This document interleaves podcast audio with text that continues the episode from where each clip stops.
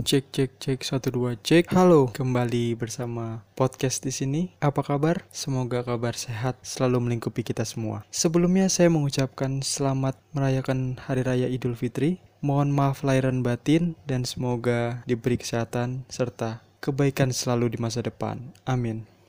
Kalau kemarin kita telah membahas mengenai Kawasaki W175, nah hari ini kita akan ngebahas evolusi dari W175 Ya, Kawasaki telah banyak mendapat masukan dari kalangan anak muda mengenai model scrambler atau model tracker. Oleh karena itu, Kawasaki mewujudkannya melalui W175TR. Evolusi yang cukup menarik untuk dibahas, dan mari kita simak fakta-fakta tentang motor ini.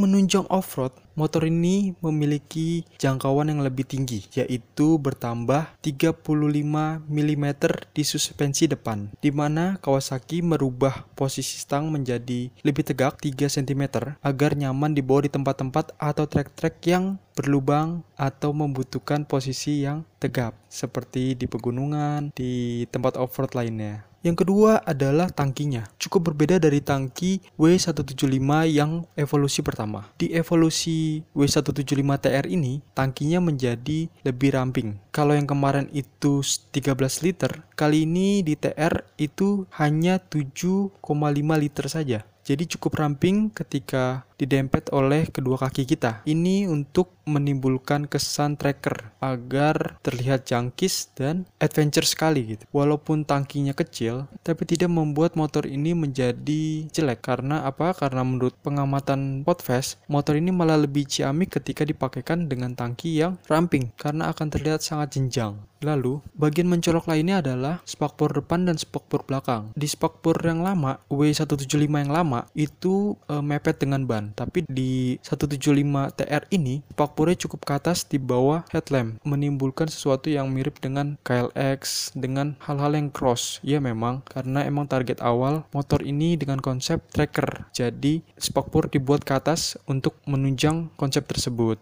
Kalau kita berbicara mengenai suspensi, kalau tadi di depan bertambah 35 mm, maka di belakang bertambah 27 mm.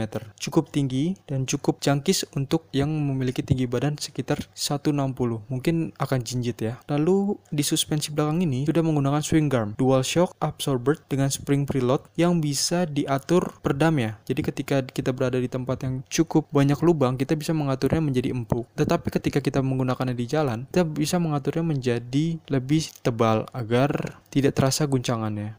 Oh iya, ada satu lagi yang menarik di motor ini, yaitu bentuk dari knalpotnya. Knalpotnya menukik ke atas. Hal ini dikarenakan mengusung tema yang sama dengan scrambler atau tracker, knalpotnya akan menghadap ke atas. Ya, memang ini tidak begitu mempengaruhi, tapi diyakini oleh pihak Kawasaki akan menambah sedikit tarikan motor ini. Untuk hal lainnya seperti mesin dan lain-lain, ini tidak ada sama sekali perbedaan dalam segi mesin. Dari W175 Cafe Racer dengan W175 TR ini tidak ada perbedaan. Sama-sama menggunakan kaliber karburator dengan torsi 13,2 Nm menghasilkan power 9,2 kW. Jadi tidak ada perbedaan dari segi mesin ya. Oke, terakhir, motor ini sudah dirilis dan sudah dipasarkan. Sudah banyak juga yang menggunakan. Oleh sebab itu, Podfest ingin sampaikan bahwa harganya itu tidak jauh beda dengan W175 Cafe Racer. Nah, untuk di W175 TR ini, harga yang model standar itu sekitar 29 jutaan. Dan untuk model versi SE itu sekitar 32 jutaan. Memang perbedaannya tidak tidak terlalu jauh tapi perlu diingat dari segi warna dari segi list dari segi uh, visualnya akan sangat berbeda dari standar dan SE jadi sekian info otomotif yang dapat Fotfest sampaikan. Semoga dapat menambah wawasan kalian dan semua itu tergantung dari pilihan kalian. Apakah kalian pencinta model cafe racer atau pencinta tracker? Dan terakhir Fotfest ingin sampaikan bahwa motor ini menjadi saingan ketat